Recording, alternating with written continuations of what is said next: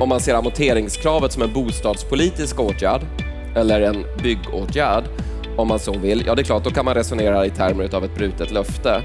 Men Moderaternas intention när vi gav det här löftet, eh, det var ju att vi skulle in i en besvärlig situation. Vi eh, såg framför oss att hushållen skulle få det tufft och i den så att säga kontexten så sa vi att vi skulle ge stöd och lättnader till hushållen. Sen har vi gjort det på andra sätt. Det kan man ju värdera då givetvis, kan man ju tycka vad man, vad man vill, löftesbrott eller inte, men intentionen var ju att stötta hushållen i en tuff period. De gick till val på att lätta på amorteringskravet, men sen har vi inte sett mycket av det. De menar att intentionen ändå har uppfyllts. Stämmer det? Ja, lyssna gärna på hela samtalet med vår finansmarknadsminister Niklas Wykman. Ett samtal som vi spelade in under Almedalsveckan då vi hade en Heta stolen med honom en eftermiddag som bostadspolitik.se ansvarade för och där alltså Niklas Wykman var en av gästerna. Hela samtalet om hur han ser på det skarpa, svåra, besvärliga läget som vi har just nu med en bostadsmarknad i total kollaps. Hur ser han på den? Vad vill han göra åt den? Mm, efter samtalet med Niklas Wykman så hör du Lennart Weiss dels ställa frågor till Niklas på plats men också efteråt ge sina kommentarer om vad han saknade att Niklas Wykman borde ha sagt. Varmt välkommen till Bopolpodden, till det sista programmet som vi har under den här säsongen. Efter sommaren, då är vi tillbaka igen med fördjupade samtal. Men nu ska du få höra samtalet med Niklas Wykman. Varmt välkommen. Jag heter Anna Bellman.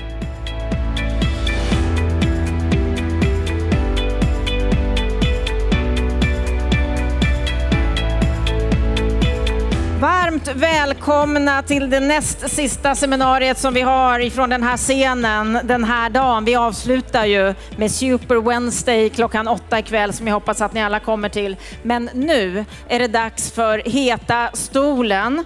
För vi ska ta tempen på vår finansmarknadsminister på vad han tycker nu i det här läget vi befinner oss i när bostadsbyggandet bara sjunker, när industrisatsningarna i norr äventyras, när många byggbolag har det riktigt, riktigt tufft. Vad tycker han om den här situationen egentligen? Och hur ser han på att han och några till gick till val för att slopa amorteringskraven och nu ser det inte ut att bli något av det överhuvudtaget. Mina damer och herrar, jag heter Anna Bellman, är mycket glad för att ni är här och för att ni varmt applåderar Niklas Wykman.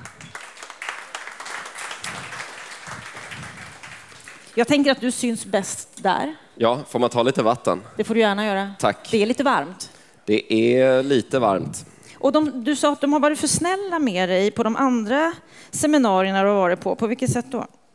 Ja, men det har varit väldigt eh, artiga och trevliga frågor så jag tänkte att det kanske kunde brytas med lite mer eh, edge. Du behöver det nu. Ja. För det är ju en speciell situation som vi befinner oss i. Vi har ett rejält dipp när det gäller bostadsmarknaden. Vi har en total kollaps. Och många tror att den här krisen, det är inte bara en kris för något år, det är för många år framöver. Hur ser du på den här situationen? Ja, det är ju ett besvärligt läge. Vi vet ju om att svensk byggindustri, det gäller ju förvisso så att säga globalt, men inte minst i Sverige, den är väldigt volatil, den är väldigt konjunkturkänslig. Man kan givetvis diskutera de drivande faktorerna bakom det, men det är ju så. Många kurvor pekar brant nedåt i, eh, i byggandet. Vi vet också om att vi har en skuldsättningsproblematik eh, bland företag och bland hushåll som behöver, behöver hanteras. Så att jag, jag tycker det är rätt att lyfta upp den här frågan på det sättet som, som ni gör, att, att läget är är besvärligt, allvarligt, kräver, kräver olika typer av åtgärder, men också givetvis ett mått av is i magen. Hur allvarligt är läget som du ser det? Ja, det beror ju på hur länge den här besvärliga situationen består och det beror ju också på andra politiska beslut. Eh, men eh, generellt så är det klart så att inflationen är ju besvärande för hushållen. Det tynger mångas ekonomi, det urholkar pensioner, det urholkar lönen. Men som vi vet så är ju också responsen mot inflation är ju, eh, är ju räntor och eh, med stigande räntor högre finansieringskostnader. Och har vi ett inflationstryck av en hög inflation över tid, ja då har vi ju dyrare och högre finansieringskostnader och då är färre investeringar lönsamma, fler bolag får problem. Så det är klart, i grunden så behöver inflations problematiken lösas. Mm. Och I det här läget, då, du som politiker som sitter på högsta nivå, när man inte riktigt vet hur lång tid den här krisen kommer att vara, när du inte vet om det blir bättre efter sommaren redan. Eller hur, hur, hur agerar ni? Hur tänker ni? Vi har ju ett unikt läge i svensk ekonomi. Det är inte första gången det händer, men vi har inte haft en sån här situation på 50 år. Och med det menar jag att vi har hög inflation, och vi har låg tillväxt i kombination. Som eh, ekonom så vill man ju, ifall ekonomin går lite sämre, så vill man gärna skjuta in lite energi i ekonomin med olika typer av stimulanser. Så kan de utformas på olika sätt. Det kan ju vara subventioner eller skattesänkningar eller offentliga investeringar. Det är ju den ena sidan om man slår upp en nationalekonomibok. Den andra sidan är ju om man då har hög inflation, ja då vill man ju vara återhållsam och då vill man ju vara stram så att de här prisökningstakten dämpas av. Det är ju i huvudsak eh, så att säga något som sköts inom ramen för penningpolitiken. Men finanspolitiken kan ju skapa mer eller mindre problem för penningpolitiken att verka och det är klart, driver regeringen en väldigt expansiv politik, ja då kommer man försvåra för Riksbanken att komma tillbaka till prisstabilitet och då kommer vi varaktigt ha problem med den här sektorn med högre finansieringskostnader och, och ökade kostnader generellt. Så att det här är att gå på en väldigt tunn, tunn lina över ett relativt djupt stup, utan här vill det till att vara både varsam och försiktig och steg för steg försöka göra de sakerna som gör att den här marknaden fungerar bättre. Men det, det är ett mycket tufft läge med hög inflation, svag tillväxt. Det är, det, det är ett mardrömsläge egentligen. Det, det, där vill man absolut inte vara. Men på grund av den politik som har förts och på grund av den eh, utveckling vi har i omvärlden som är mycket problematisk är vi där vi är och då har vi att hantera det. Mm. Hur är ert förhållande till Riksbanken och Finansinspektionen? Vissa menar att ni sitter helt i knäna på dem. Ja, Riksbanken har ju ett eget definierat uppdrag och ett oberoende som vi, som vi då självklart inte recenserar. De, de har ju sitt uppdrag eh, och sitt mandat och sitt oberoende. Finansinspektionen är ju en myndighet under, under regeringen. Eh, eh, Riksbanken lyder ju under riksdagen. Finansinspektionen, klart, jag menar, det ger vi ju direktiv till och vi utformar de lagarna och reglerna, men inom ramen för det de har blivit tillsagda att göra så har ju de sina mandat och fattar sina beslut på sitt sätt. Du gick du till val på att lätta på amorteringskraven. Nu blir det inte så. Det är ju ingenting som heller Finansinspektionen vill att ni ska göra. Men i Svenska Dagbladet så sa du så här i slutet på april. Trots att Finansinspektionen utesluter en amorteringspaus har regeringen inte brutit Moderaternas vallöfte, säger finansmarknadsminister Niklas Wykman till Svenska Dagbladet. Istället för slopad amortering har regeringen stöttat hushållen i form av stärkt bostadsbidrag, elstöd och sänkta drivmedelspriser. Intentionen Bibeln uppfyller vi, men på ett annat sätt. Menar du verkligen det? Absolut, annars hade jag inte sagt det. Eh, men eh, det, om, man ser det som en, om man ser amorteringskravet som en bostadspolitisk åtgärd eller en byggåtgärd, om man så vill, ja det är klart, då kan man resonera i termer av ett brutet löfte. Men Moderaternas intention när vi gav det här löftet, eh, det var ju att vi skulle in i en besvärlig situation. Vi såg framför oss att hushållen skulle få det tufft och i den så att säga, kontexten så sa vi att vi skulle ge stöd och lättnader till hushållen. Sen har vi gjort det på andra sätt. Det kan man ju värdera då givetvis, kan man ju tycka vad man, vad man vill, löftesbrott eller inte, men intentionen var ju att stötta hushållen i en tuff period. Men är det trovärdigt för dig som hög politiker att gå ut och säga det, att vi lovade det här, men vi gör det på ett litet annat sätt. Vi har inte brutit vårt löfte. Du som har svårt att ta dig in på bostadsmarknaden, du ska fortsatt ha det tufft. Nu ställer du en sån där fråga som inte riktigt går att svara på eh, och det, det, det, leder sällan till bra samtal eh, om jag ska vara, vara, lite frank så att säga. Eh, men om vi bortser från så att säga moderatorns stora brist i frågeställningen så, så, och för att svara på intentionen, nej jag ska, men det, så, så är det så här att ja, det beror på vad man värderar. Men det är klart, jag tycker som politiker så ska man göra och, och verkställa den, den intentionsriktning som man ge, ger uttryck för. Och här var det stötta hushållen. Här har vi gjort då bostadsbidrag till exempel, lättnader, drivmedelsskatter, elsubventioner. Det här handlar ju samlat om att försöka stötta de hushållen som har det, har det tuffast. När det gäller amorteringskraven så har vi ju tillsatt en utredning som ska se hur det här ska fungera långsiktigt. Det här är ju ett relativt nytt regleringsområde, eh, makrostabilitet generellt. Det kom ju finanskrisen 2008. Det har tillkommit många olika regler. Det har funnits en diskussion i Sverige om till exempel ungas inträde på, på bostadsmarknaden, om eh, nyutbildades möjlighet att äga sitt boende till exempel, där man kanske förväntar sig en snabb löneökning men man, man har inte råd här och nu. Det finns relativt mycket internationell forskning och bedömningar olika länder har gjort på olika sätt. Eh, sen tycker jag det är självklart att man ska amortera. Ett lån är ju ett lån och själva idén med ett lån är att man ska betala tillbaka det. Men så att säga, vad kan vi lära oss av den tiden som har varit? Vad kan vi ta till oss av det som finns i svensk debatt? Hur ska vi samtidigt ha ett ramverk som gör att vi kommer till rätta med de, den höga skuldsättning som var i Sverige? Det där behöver ju arbetas igenom ordentligt och det är det nu en utredning som gör, vilka långsiktiga spelregler vi ska ha på det här området. Mm, och det dröjer ungefär ett år innan den utredningen är färdig. Ni gick ändå till val på den här frågan. Jag återupprepar det igen. Många av de här hushållen som inte klarar av att ta sig in på bostadsmarknaden är unga. De är i familjebildande situation, tvingas till dyra blankolån. Hur ser du på den situationen? Ja, men det, det, är därför den här utredningen är tillsatt, för att det där har ju varit en, för, för det här vallöftet, så att om man ska pausa amorteringskravet eller inte, ja, det blev ju hanterat med andra typer av åtgärder för att stötta hushållen. Men om man varaktigt vill hjälpa så att säga fler då till exempel till ägt boende eller fler in på bostadsmarknaden och så, då är det ju inte en tillfällig paus som avgör ifall man lyckas med det eller inte, utan då är det ju regelverkets totala utformning och det kräver ju så att säga att man ser över hela det, det regelverket och i sådana fall gör om det regelverket och det är det vi har öppnat upp för. Eh, så jag tycker det är ändå viktigt att säga så att, säga att om man ska få om man ska få in fler unga i det ägda boendet, om man, om man ska ha den typen av åtgärder, ja då är det klart, då är ju en paus, för en paus är ju något som har ett slutdatum så att säga. Då, då, är inte det åtgärden och, det är därför just paus landar in i detta stötta hushållen. Det, det, handlar inte så mycket om bostadspolitik om man ska vara ärlig, för paus det är ju en ekonomisk lättnad här och nu för att möta ett tufft läge. Det är också så ventilen är utformad och som ju utvärderats här under våren.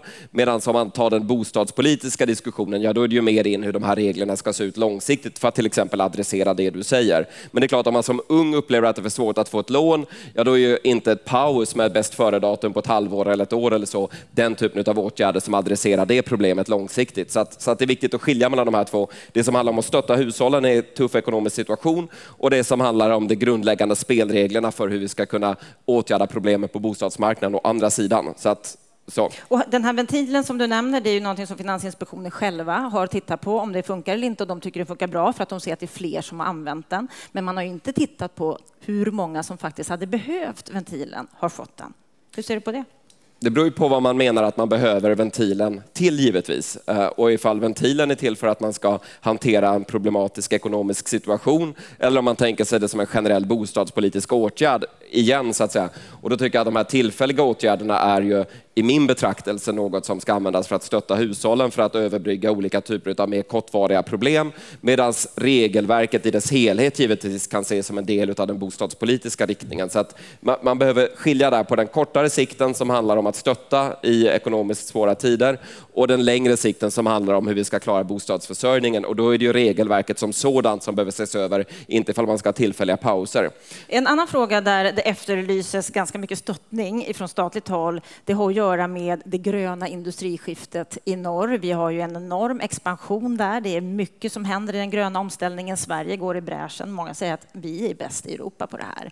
Däremot så finns det en ny undersökning från SKR som visar att det är kommunerna som ensamt får stå risken. För det är inte bara industrierna som byggs, det behövs mycket infrastruktur, det behövs skolor, förskolor, väldigt mycket investeringar. Men de saknar stöttning ifrån statligt håll, trots att hela Sverige vinner på de här satsningarna. Varför stöttar ni dem inte mer?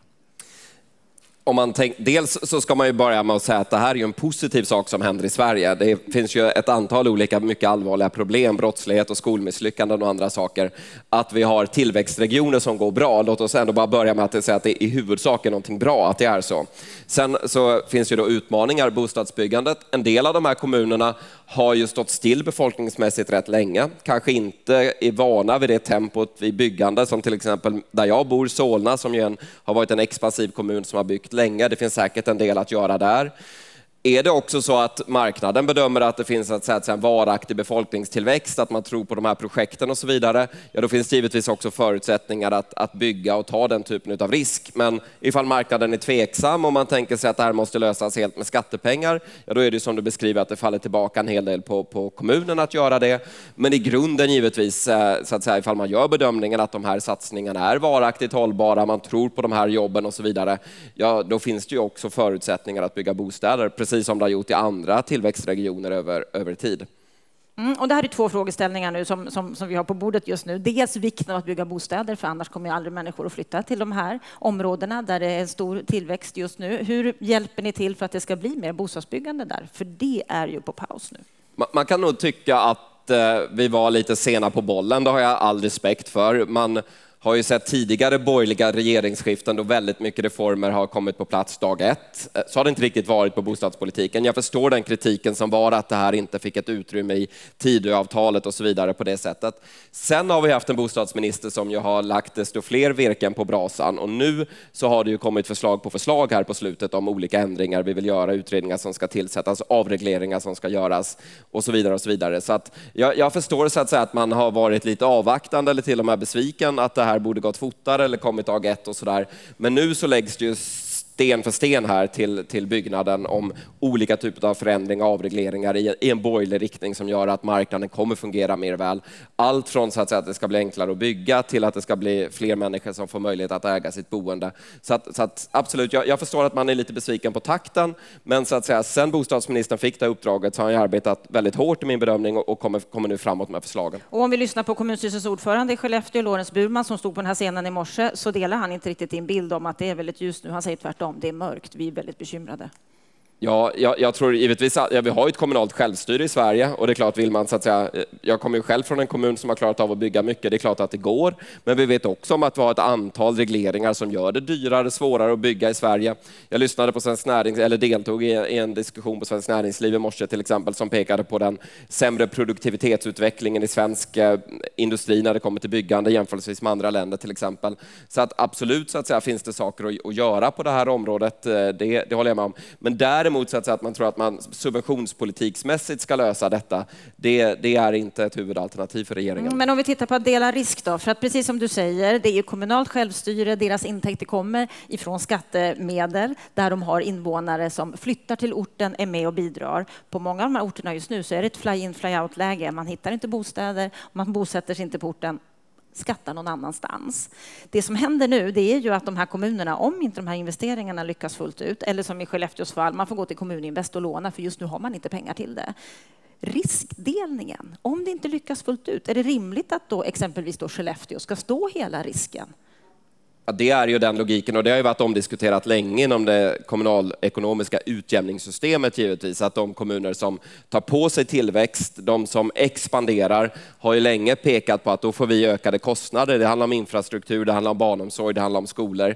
Det har ju tidigare borgerliga regeringar hanterat genom till exempel då tillväxtmiljarder i utjämningssystemet. Nu när det är andra kommuner som behöver växa och som, som står inför en snabbare expansionsfas, då verkar det som att de också upptäcker de här delarna och exakt vad den diskussionen mognar in, där, där är vi ju inte riktigt än. Men... Är ni med och tittar på det här på något sätt? Ja, det är någonting vi från Finansdepartementet följer givetvis och, och är väl medvetna om att den här typen av tillväxt problematik, alltså att kommuner som bygger mycket får en snabbt ökande befolkning, får ta sig an så att säga, nya typer av utgifter eller risker för utgifter, inte tidigare har varit helt nöjda med det kommunekonomiska systemet, utjämningssystemet, det vet vi. När nu nya kommuner kommer in i liknande typ av utmaning så överraskar det åtminstone inte mig att de pekar mot ungefär samma sak.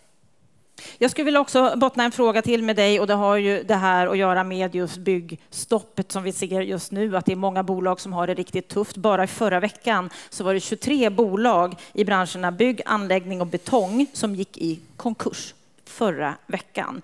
Einar Dahl i Klippan gick i konkurs efter 40 år, alltså 40 byggjobbare blev av med jobben i Klippan. Anebyhus i rekonstruktion, Obos har varslat 270, JM 200, Beskab 40, Boklok 65, Götenehus, de har varslat i tre omgångar. Alltså hustillverkarna har varslat sammanlagt 1200 personer, underleverantörer 1000 personer. Det här är en varsel och konkursvåg som vi nog inte har sett maken till tidigare. Vad behöver göras för att den inte ska fortsätta från högsta politiska instans?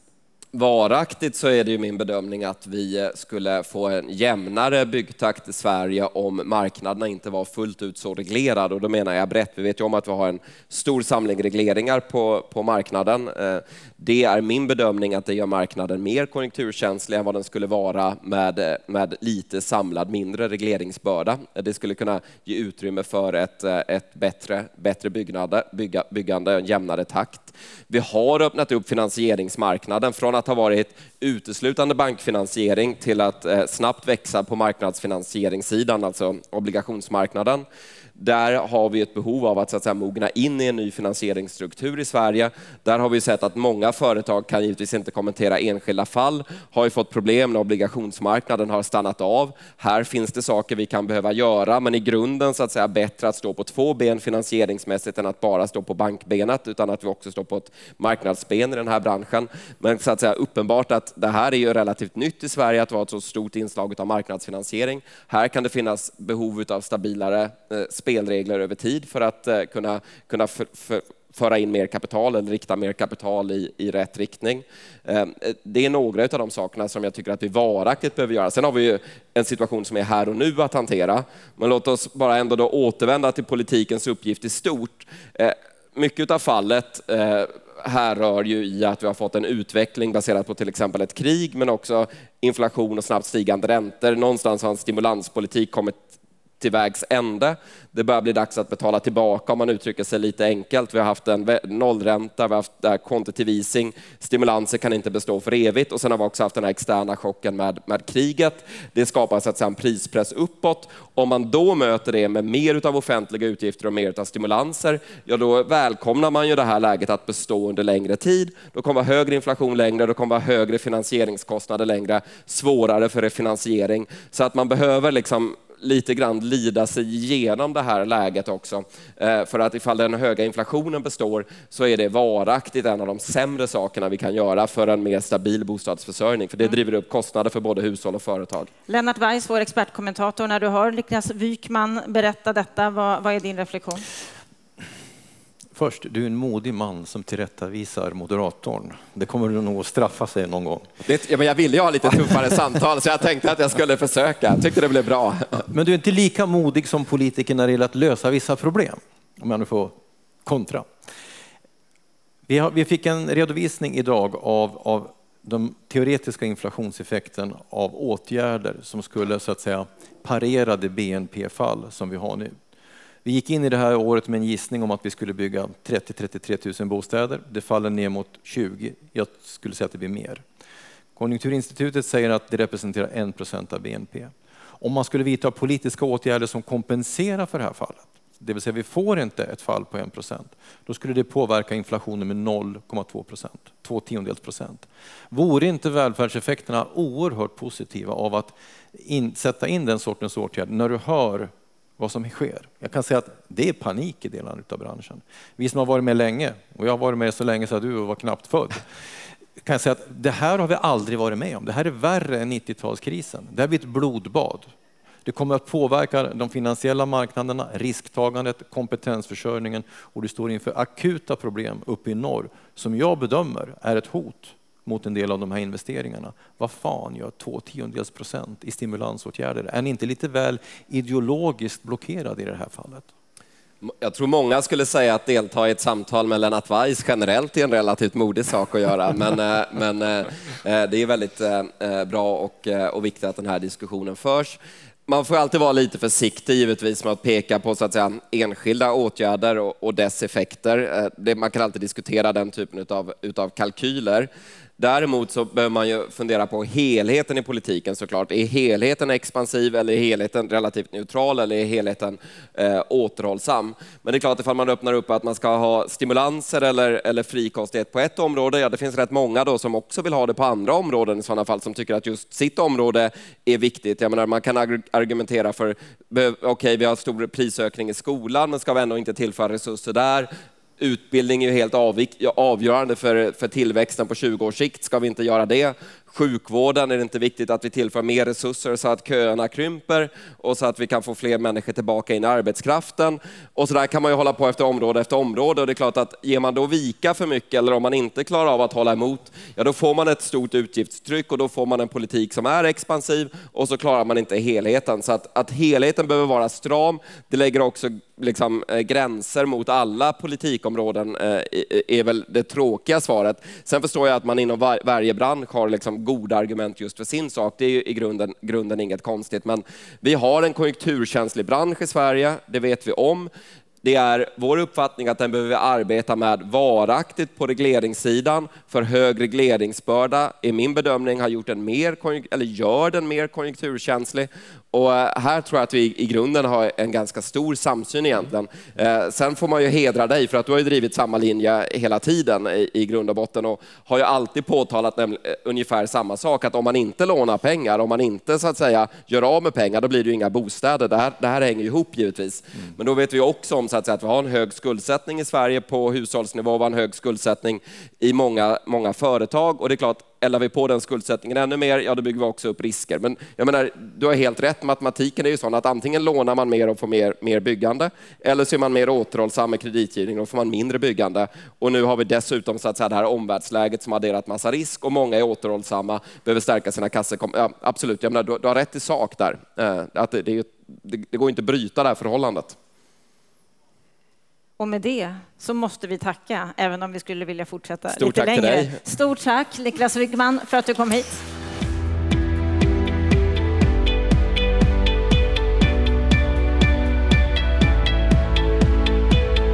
Ja, då har vi hört Heta stolen med Niklas Wykman, ett samtal som spelades in under Almedalsveckan i onsdags i Visby. Lennart Weiss, du var med på plats, du ställde några frågor till honom avslutningsvis. Vad säger du om det här samtalet? För det första var det väldigt kul att han ställde upp. Jag gillar ju Niklas Wykman i grunden. Det är, det är en otroligt begåvad eh, ung man som jag tror har en lång och, och, spännande karriär framför sig som statsråd. Tycker också att det är väldigt kul för honom och, och, på många sätt positivt att han fick det här tunga jobbet som finansmarknadsminister. Det kan ju på sikt meritera honom till en finansministerpost faktiskt. Vi får se hur det blir med den saken. Sen kan man väl säga så här att eh, han körde ju väldigt väntat då regeringens talepunkter kring den rådande ekonomiska situationen. Det är inte så att det saknas fog för det. Ehm, vi har en väldigt allvarlig inflationsbrasa som, som brinner med full kraft och då måste man vidta åtgärder. Så på ett allmänt plan så kan man ju förstå att regeringen är återhållsam med åtgärder som så att säga skulle kunna spä på inflationen. Samtidigt så finns det ju brister i regeringens eller ska vi säga en inkonsekvens i regeringens politik som ju är väldigt uppenbar. Man, han håller alltså emot konsekvent eh, mot byggbranschen, fastighetsbranschen när det gäller åtgärder inför den krissituation som vi har. Den utspelar sig inför öppen ridå med hänvisning till att det skulle kunna spä på inflationen. Ja, det första problemet för regeringen det är ju att man själva eh, lanserade de här enorma elstöden som om något har, har spett på inflationen. Det hade en verklig effekt på inflationen. Men däremot de, de åtgärder som vi pratar om med koppling till vår bransch har ju ingen effekt alls. Och, då, och, och, och, det här finns det ju fog för att påstå därför att Konjunkturinstitutet har ju precis gjort en analys av den möjliga inflationseffekten av åtgärder med koppling till vår bransch. Det de alltså har gjort det är att de har analyserat vilken BNP-effekt som fallet i bostadsbyggandet kommer att få i år. Då har de utgått ifrån de siffror som presenterades i början på året, att byggandet skulle ligga på 33 000 ungefär. Nu säger man att antalet starter kommer säkert att rasa ner till 20 000. Då ger det en BNP-effekt på 1 procent. Om man då skulle vidta åtgärder som höll upp byggandet till de här 33 000, då får du alltså en positiv BNP-effekt på 1 procent. Hur mycket skulle en sån bidra till inflationen? Och då säger Konjunkturinstitutet två tiondelars procent. Du skulle alltså kunna eh, införa ett produktionsstöd motsvarande i princip hela byggmomsen. Du skulle kunna ta bort amorteringskraven och du kommer ändå inte upp inflationseffekter som straffar de tal som Konjunkturinstitutet säger. Det visar ju alltså att regeringen har inte gjort en ordentlig analys utav de välfärdseffekter som du får när byggbranschen kraschar. De har inte analyserat konsekvenserna för arbetsmarknaden, bostadssocialt, för hushållen, för branschen, hur kompetens kommer att dräneras, kapital förgöras, företag gå omkull etc. Det är jag besviken över. Jag var inte förvånad över det, men jag är besviken över att, att eh, inte finansmarknadsministern levererade en mer genomarbetad analys. Det är det kortsiktiga perspektivet. Jag är ännu mer eh, oroad över att regeringen ännu inte förhåller sig till bostadsbyggandets absoluta kärnproblem. Därför att kärnproblemet är att bostadsbyggande är förenat med stora finansiella eh, eh, kostnader. I praktiken så övergick vi till en bostadsmarknad för 30 år sedan som ska drivas av hushållens efterfrågan. Det betyder att det är hushåll, fastighetsbolag och banker som ska förse den här sektorn med kapital. Bara för att sätta en siffra på det. Om vi ska bygga 100 000 bostäder så, så behövs det ungefär 400 miljarder i finansiering. Om man nu fortsatt så att säga faller undan för Finansinspektionen och Riksbankens retorik och säger att det är ett problem att hushåll skuldsätter sig, att fastighetsbolag skuldsätter sig och att banker exponeras mot den här sektorn. Då kommer du återigen till den här frågan, vem ska finansiera bostadsbyggandet?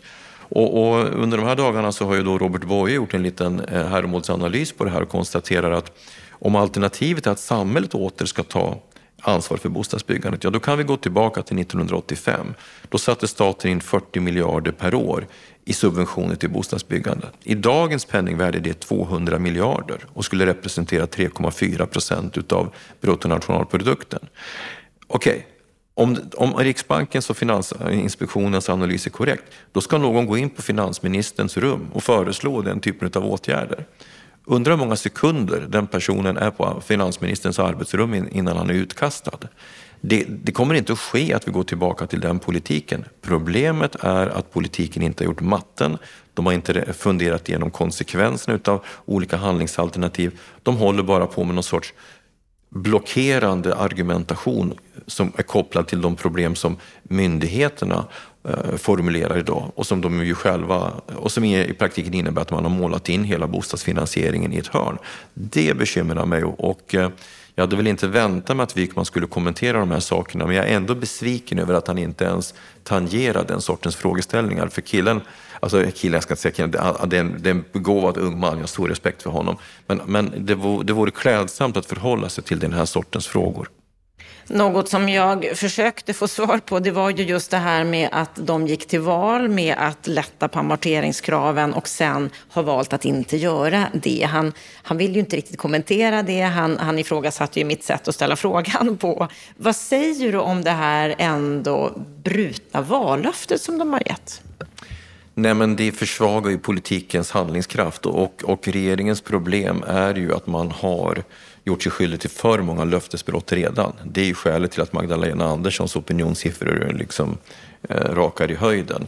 Regeringen är allvarligt skadad och, och, och, genomgår just nu en trovärdighetskris som de måste reparera med att återkomma med politiska förslag som återupprättar regeringens auktoritet och förtroende. Jag tycker ju att det är anmärkningsvärt att man, att man så att säga säger att man uppfyller vallöftet på ett annat sätt genom att hänvisa till åtgärder som, redan, som fanns. De var redan implementerade när vallöftet gavs, det vill säga att det finns en ventil i, i eh, finansmarknadsregelverket som gör att bankerna kan ge undantag. Men observera, bankerna kan inte enligt regelverket ge undantag för en räntehöjning. Det är andra sorters kostnader och vi ser ju att bankerna tillämpar den här så kallade ventilen väldigt godtyckligt. Så att det där är ett undflyende svar som vittnar om att man har dåligt samvete, man är klämd av sitt löftesbrott. Men inte desto mindre så är det ju allvarligt att man ställer ut den här sortens löften i en valrörelse. Man vinner ju i praktiken valet på den här typen av vallöften och sen springer man lättsinnigt ifrån dem. Ja, det är minst sagt eh, illa. Mm. Det är mycket vi har att kommentera när det gäller Niklas. Det var trevligt att han var där på plats och eh, samtalade med oss och vi hoppas att få fler samtal med politiker när vi är tillbaka igen efter sommaren. För det vi gör nu, det är att vi tar semester och lite sommarlov. Sen är vi tillbaka i augusti igen och då ska vi vara lika på hugget som vi har varit under våren. Så jag hoppas att du som lyssnar är med oss då också. Är det så att du vill förkovra dig och läsa mer, ja då kan du göra det på bostadspolitik.ses hemsida där det ständigt kommer upp nya artiklar och information om vad som händer inom branschen. Tack Lennart för den här säsongen. Tack till dig som har lyssnat. Nu önskar vi dig en riktigt trevlig sommar.